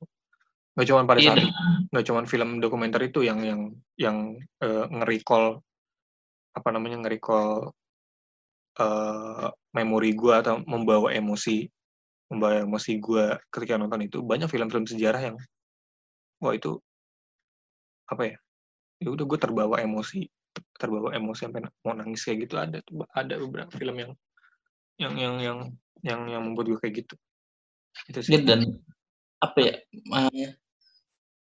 memang memang memang seperti itu kenyataan kan? Maksud gue kayak mhm. banyak banyak banyak dari kita yang jadi korban perang itu sebenarnya nggak tahu apa-apa kan memang memang tidak tahu apa-apa. Bahkan ketika Indonesia merdeka aja kayak pernah kita bahas bahwa merdeka mereka tuh banyak yang nggak tahu artinya kata merdeka apa. Yeah. dan dan memang seperti itu fakta di lapangan kan kayak misalkan kayak kita apa uh, uh, apa kayak tahun 1900-an aja dengan adanya apa politik etis sekolah dibuka banyak banyak orang ini apa orang banyak orang Nusantara yang bisa sekolah tuh pada akhirnya juga kan ya sekolah juga orang-orang pria doang ya orang-orang kaya doang yang bisa yang bisa sekolah, yang rakyat bawah tetap bisa menjalani hidup seperti biasa aja. Dan yang gue suka dari perkembangan apa ya seni terutama film dan tulisan uh, itu sekarang nggak cuma lagi berbicara tentang mereka yang besar-besar. Toh orang-orang yang kecil-kecil itu juga punya cerita yang nggak cuma harus dikasih panggung tapi juga layak dibicarakan gitu kan. Iya, misalkan iya. kayak misalkan kayak film apa ya? Nah, ini agak agak lebar sedikit tapi bukan sejarah. Misalkan kayak Love for Sale kalau pernah nonton tuh. Uh-huh. itu kayak, belum itu cuman kayak orang tua umur 40 50-an bujangan belum nikah kerjanya cuman kayak rumahnya itu di lantai dua lantai satu kantor dia punya percetakan kertas gitu. Hidupnya cuma di situ doang masih gua 10 tahun yang lalu mah film kayak gitu nggak mungkin bakal kita tonton di bioskop gitu di Indonesia misalkan. Kalau kita ngomongin sejarah secara luas eh, sejarah kontemporer ini kan ada ada kecenderungan bukan kecenderungan ada ada ada apa ya ada ada arah atau ada ada salah satu ciri baru bahwa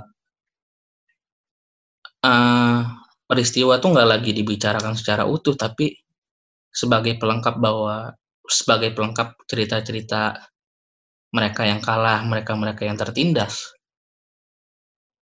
Itu itu mulai ada sih yang yang gue suka dari perkembangan kita sekarang gitu. Setuju sih. Dan benar-benar. Kayak misalkan gue pernah nonton, duh gue lupa judulnya. The Way Back, lu pernah nonton gak Jar? Belum. Belum. Baru itu ya itu ceritanya di Gulak di camp camp pengasingannya Soviet ya. Soviet uh, itu udah ada di Siberia dingin mampus kan itu kan ada satu oh, tokoh gue lupa. Sebentar gue gue nyatet. Uh, kalau nggak salah nama tokohnya tuh Janus. Gue gue lupa lupa ingat soalnya gue nggak nggak nonton lagi udah lama. Nama tokohnya Janus dibuka dibuka film itu dibuka dengan ini dengan interogasi bahwa uh, lu bener apa enggak lu tuh mata-mata asing. Uh, di akhirnya di apa di dijawab sama si Janus bahwa enggak gue bukan bukan mata-mata asing. Terus tiba-tiba istrinya didatengin. Istrinya bilang bahwa selama ini si suaminya tuh selalu mengkritis jalannya pemerintahan Soviet uh, di di sekitar teman-temannya. Tapi istrinya seperti dipaksa karena nangis gitu di gambar ini filmnya. Akhirnya suaminya ditahan selama beberapa tahun lah gitu tapi baru satu tahun di Gulag dia milih cabut. Maksudnya kayak kayak lari gitu dari dari Gulag karena dia bertemu beberapa orang. Yang kayak bilang gue kayak bisa deh kita cabut dari sini tapi kita harus kerja sama. Diceritainnya bahwa kabur dari Gulag tuh gampang. Tapi lu bisa hidup setelah kabur itu apa enggak itu karena masalahnya kan uh, gua, uh, di itu di di Siberia ya dingin banget selalu selalu ini kan selalu apa? Kaitannya dengan alam. Lu lu butuh makanan butuh minum terus juga dengan dingin tadi. Seingat gue yang kabur ada 8 orang mereka menuju ke Mongol seingat gue. Mongol. Hmm. ketika jalan tuh selama beberapa tahun nih. Gue lupa di setahun atau berapa tahun gue lupa. Karena cukup panjang tuh itunya itu di tengah jalan kayak banyak yang mati kawan-kawannya karena dingin karena nggak kuat sama cuacanya kurang makan kurang minum. Dengan harapan bahwa mereka bakal cabut nih dari negara komunis Soviet. Hmm. begitu sampai Mongol sampai Mongol udah ada spanduk bahwa Mongol itu dikuasai sama komunis. Itu wah ih lemes gue pas nonton kayak ke bawah anjing perjuangan selama ini tuh sia-sia gitu. Oh iya iya, iya. balik lagi ke komunis lagi mereka pengen kabur dari dari negara komunis. Akhirnya ada yang ketika di perbatasan ada yang milih. Ya walaupun gue tidak setuju dengan pemerintahan sekarang gue lebih milih ada di negara Soviet. Karena gue merasa tanah air gue di sini akhirnya dia milih mati di situ. Ada yang nekat balik ah, nekat tinggal di Mongolia ada yang lanjut ke Nepal inget gue hmm. tapi di, di sepanjang perjalanan itu memang ceritanya dia nggak cerita tentang gimana ganasnya Soviet sih cuman awal-awal doang ceritanya. Tapi lebih lebih ke survival mereka hidup itu. Tapi itu tadi kayak gue bilang di sebelumnya bahwa cerita peristiwa kejamnya apa Soviet itu digambarin sebagai pelengkap cerita mereka aja. Tapi gimana cerita mereka tetap bertahan hidup dan akhirnya bisa sampai ke Nepal itu yang akhirnya diangkat itu kan. Mm-hmm. sama uh, The Pianist lu pernah dengar apa sih? Pernah dengar tapi belum nonton itu juga salah satu yang bagus sih menurut gue ya.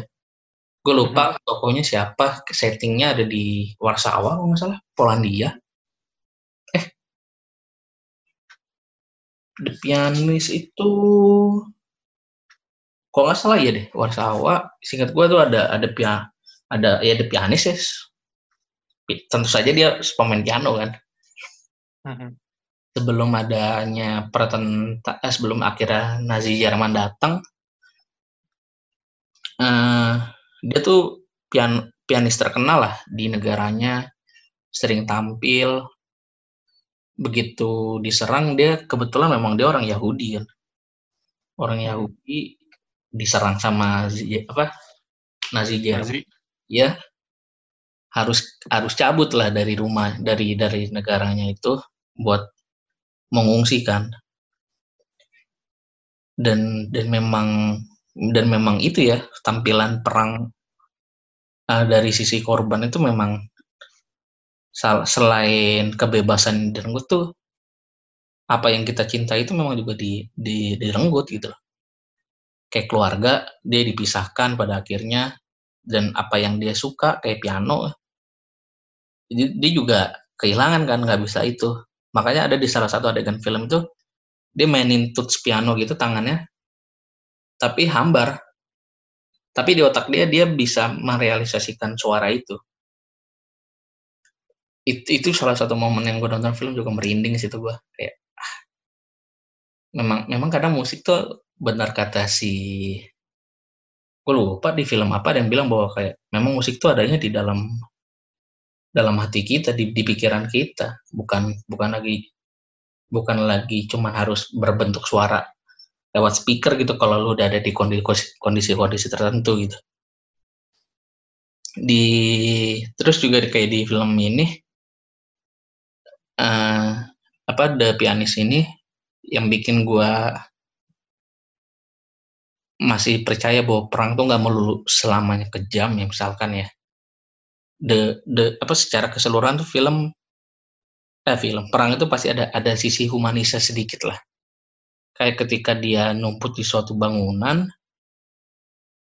eh, kena sisir sama ini salah satu komandan tentaranya Nazi Jerman. Ketika ditanya kan dia ketakutan ya karena nyumput. Tanya sebelumnya pekerjaan lo apaan? Bilang saya pemain piano. Dia bilang uh, sebelum apa sebelum gua tembak lo gue pengen lo eh gue lupa deh pengen nembak apa enggak pokoknya. Intinya dia pengen minta pembuktian lah kalau pemain piano apa bukan. Akhirnya dibawa ke suatu tempat yang ada piano disuruh main. Dan mereka berdua tuh tenang gitu. Sama-sama senang musik mungkin ya. Dan si komandannya akhirnya mem membiarkan si pianis ini hidup. Itu juga salah satu film yang cukup membekasi di gua bahwa ya sedikit-sedikit masih adalah sisi humanis manusia walaupun sejahat atau setidak setidak mungkin yang kita pikirkan bakal terjadi bakal mereka lakukan tapi ada ada ada sedikit gue rasa tetap sisi humanis manusia tuh kayak Fury lu pernah nonton Jar? Fury yang mana ya? Gue lupa. Fury Mad tuh... Max? Eh, ah, Fury apa? Enggak, judulnya Fury. Fury, oh belum, belum. Yang main tuh, gue lupa deh. Siapa? Cukup terkenal sebenarnya orangnya. Fury. Iya. Uh, lupa deh gue jadi ada ada, ada tank gitu Shia LaBeouf ingat gue salah satu pemainnya. Brad Pitt. Iya Brad Pitt bener jadi sebentar itu kalau banyak orang yang kritik dari sisi sejarah dia bilang nggak ada tuh namanya Fury itu itu fiksi dia bilang. Tapi dari penggambaran itu kan ingat gue latar belak latar settingnya singkat gue ya ini gue udah, udah lama banget nggak nonton. Itu PD2 singkat gue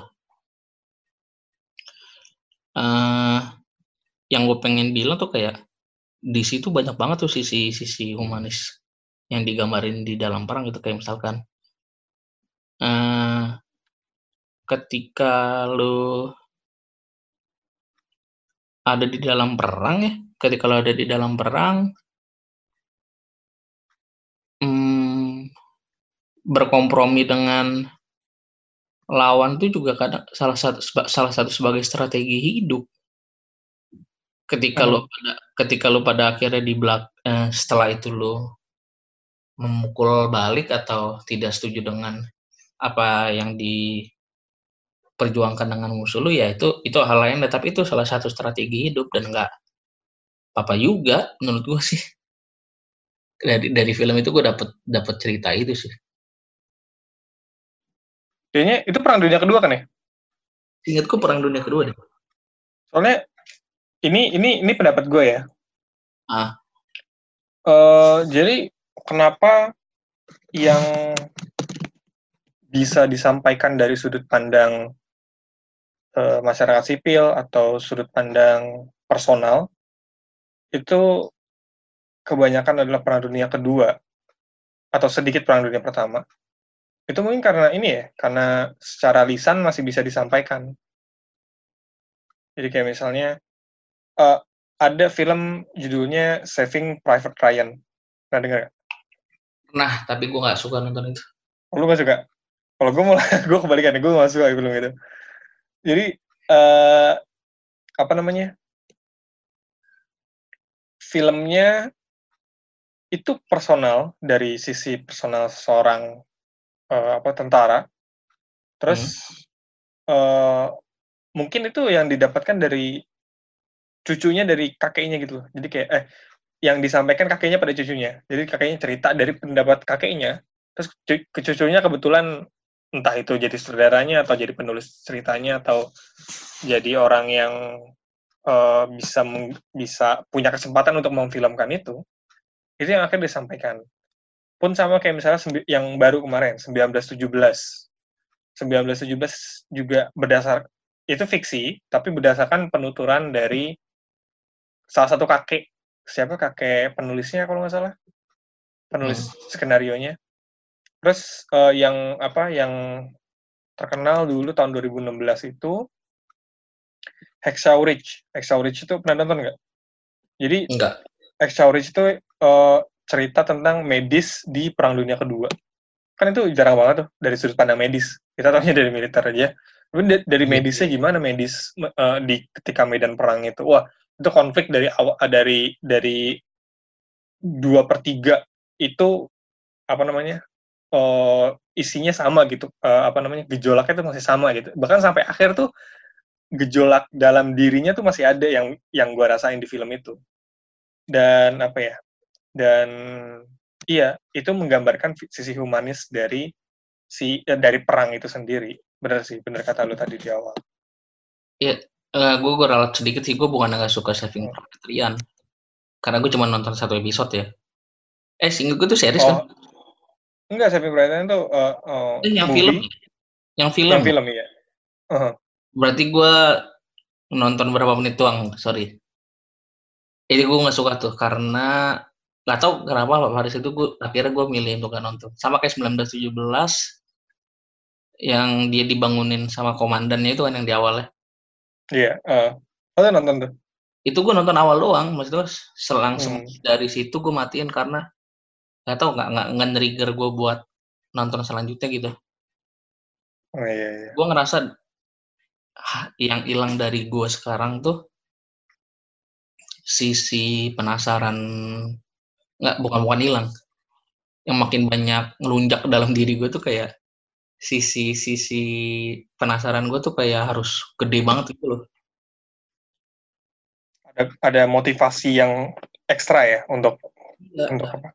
Yang gue benci dari gue sekarang tuh untuk kayak gue dulu bisa bisa bete banget beli buku harga lebih dari lima puluh ribu. Ketika gue baca satu dua bab gue bosen karena nggak suka tuh. Gue bete banget. Sekarang gue kayak gue bahkan bisa berhenti di halaman kelima kalau nggak kalau nggak suka gitu. Dan ngerasa ya udah nggak apa-apa lah. Stop mungkin suatu saat gue bakal suka mungkin. Itu mm-hmm. yang yang yang yang ngelunjak dari gue sekarang tuh. Makanya kayak gue nonton 19 17 tuh gue belum lama ini. Berapa hari yang lalu malah ingat gue gue pengen nonton itu. Pas gue mulai kok nggak nggak trigger gue buat nonton lagi ya ngelanjutin ya udahlah gue gue skip aja gue malah kadang-kadang ada film yang kayak gitu iya uh, eh, gue malah yang mes banget tuh cerita-cerita kayak di apa di tengah-tengah konflik ketika sedang berlangsung gitu loh kayak Argo lu pernah nonton nggak? Gue tahu, tapi pengen banget nonton tapi belum nonton. Itu gue lupa. Ben Affleck kan ya? Ben Affleck ya? Yang mana? Iya, iya kalau nggak salah. Dia ada di di salah kayak kedutaan Amerika gitu. Iran. Di Iran ya? ya? Eh Iran apa Irak sih? Gue lupa di negara lain lah, singkat gue. Gue lupa. Soalnya gue nonton itu SMA, singkat gue jar. Uh -huh. Gue nonton, uh, itu kan gimana mereka ada di dalam kedutaan itu ketika di nggak diserang sih sebenarnya lebih ke apa ya lebih keadaan yang mencekam aja lah terus mereka harus bi bisa meloloskan diri singkat gue ya. Ini ini ini sedikit yang gue ingat dari film itu. Maksud gue gue cuma pengen ngasih tahu bahwa suasana suasana seperti itu itu yang gue suka dari nonton film sejarah terutama ya. Kayak makanya kayak hotel Rwanda itu gue suka banget. Ingatan gue film Hotel Rwanda tuh masih bagus karena belum lama gue nonton kayak dua tahun yang lalu kok nggak salah pas tahun yang lalu ya? Jadi lu tahu lu pernah nonton Hotel Rwanda? Belum. Belum. Itu di sebuah negara yang namanya Rwanda kan? Uh-huh. Rwanda ketika 1900-an tuh mereka dijajah sama Belgia singkat gue uh, ketika Belgia berkuasa itu jadi di situ ada dua suku ada dua suku gitu jar Hutu mm-hmm. sama Tutsi Singet oh, gue iya. ya singet gue tuh suku Tutsi yang dianak masin sama Belgia deh di si Tutsi ini di di anak masin sama Belgia sebentar sebentar gue nyatet kok singet Iya, suku suku Tutsi yang masin, suku Hutu nih yang akhirnya di di inilah dipinggirkan lah pada akhirnya. Bahkan ada satu momen mereka akhir terdesak untuk keluar dari Rwanda gitu. Sepanjang perjalanan mereka gitu. Ketika 1990-an keadaan berbalik nih. Si Hutu akhirnya jadi kayak mayoritas tas lah di situ. Nah, suku Tutsi ini uh, ingin apa ya? Ingin balik ke negaranya mereka lah, karena merasa itu jadi kayak tanah air mereka mungkin ya. Uh-huh. Jadi ada ada orang-orang Hutu yang modern, bahkan presidennya sih ingat gue, akhirnya membuka semacam diskusi pertemuan gitu kepada orang-orang Tutsi yang pengen balik ini jadi orang-orang Hutu yang ekstremis lah gitu ya tidak setuju dengan hal itu. Sempat kayak diserang itu ada ada pembunuhan lah kepada tokoh-tokoh yang moderat ini. Akhirnya konfliknya pecah Hutu ekstremis tuh ngebunuh ngebunuhin orang Tutsi dan orang-orang Hutu modern di tengah-tengah jalan. Nah kenapa judulnya Hotel Rwanda? Jadi ada satu ada salah satu hotel uh, itu jadi kayak tempat apa ya tempat tempat bertahan dari orang-orang Hutu ini. Jadi di situ ada ada ada manajernya gitu yang jadi tokoh utamanya ngelindungin tamu-tamunya dan seribuan orang yang mengungsi. Dan gimana jadi hotel tuh jadi kayak apa ya jadi kayak penampungan ya? apa penampungan. Iya jadi jadi pusat penampungan. Dan dan ini based on singkat gue based on true story deh ada orang yang ke, ketika tahun 2005 dikasih gelar kehormatan dari presiden Amerika singkat gue dan ya kayak kayak lu bilang tadi kan kayak cerita-cerita uh, yang biasa latar belakang sejarah tuh selalu ada cerita-cerita tutur lisan dari generasi sebelumnya ya. Ini juga kan hmm. based on true story, terus kayak yang tadi lu beberapa sebutin, yang kayak film The Way Back itu itu ceritanya masih kontroversi sih. Seingat gue dia diangkat dari buku yang ini yang gulak ya, yang gulak itu diangkat dari buku tapi ketika buku itu terbit tuh kayak diperebutin beberapa orang bahwa cerita itu tuh cerita gua bukan cerita lu gitu karena kan yang hmm. yang kan ada tujuh orang atau berapa gitu kalau yang The Pianist tuh pianis itu gue lupa deh based on true story atau enggak. Tapi si filmmakernya dia memang ini memang memang orang yang terlibat pada masa itu. Dia harus kehilangan ibunya dan keluarganya ketika uh, Polandia diserang sama Nazi dan dan pada akhirnya juga kayak kayak memang ini ya kayak memang balik lagi kecerdikan si filmmaker ya kalau dia bisa membangun cerita yang believable itu memang akhirnya nyentuh ke perasaan kita masing-masing ya.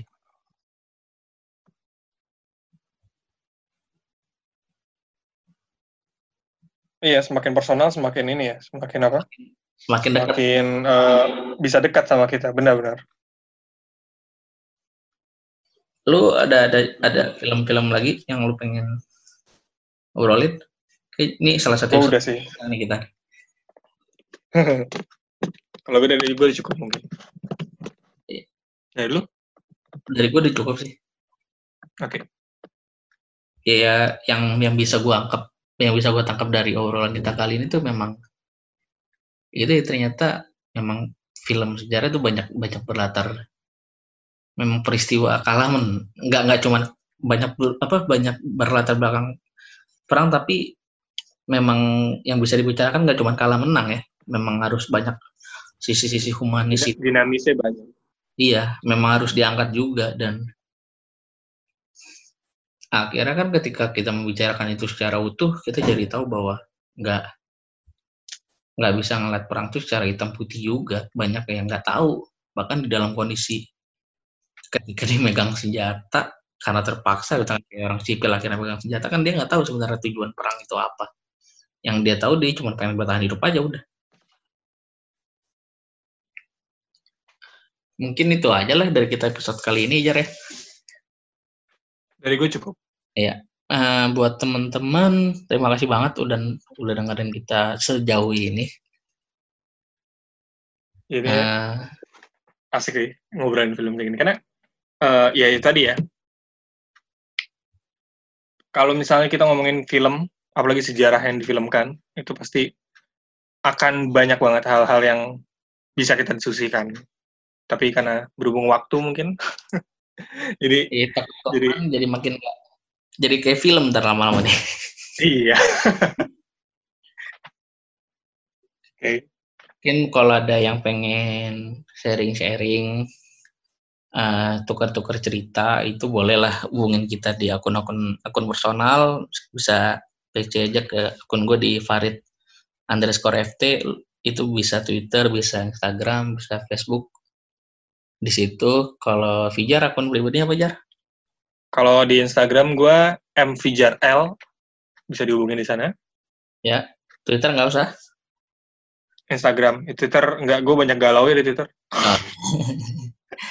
Oke oke. Uh, kalau pengen email bisa di podcast masa lalu at gmail.com. Uh, itu inbox saja boleh boleh anonim, boleh pakai akun pribadi, bebas lah. Uh, oh iya ini uh, mungkin kalau kalau boleh inilah kalau ada yang pengen nge-share, nge-tag kita boleh banget lah itu boleh banget. Buat buat apa ya buat buat kita kenal satu sama lain lagi lah kalau kita memang belum kenal gitu. Gue sih senang banget kalau ada yang berani cerita ke kita gitu-gitu. Bahkan kalau pengen ngobrol kita juga terbuka aja ya terbuka banget ya. apalagi uh, kalau misalnya tadi kan kalau misalnya sejarah personal tuh biasanya lebih uh, lebih lebih melekat gitu. mungkin kita juga ada yang relate mungkin pendengar-pendengar teman-teman yang lain juga ada yang relate gitu jadi kalau misalnya mau di sharing di sini bisa banget. Yo, Terus itu aja dari kita Jar ya. Yep. Ya. Dah.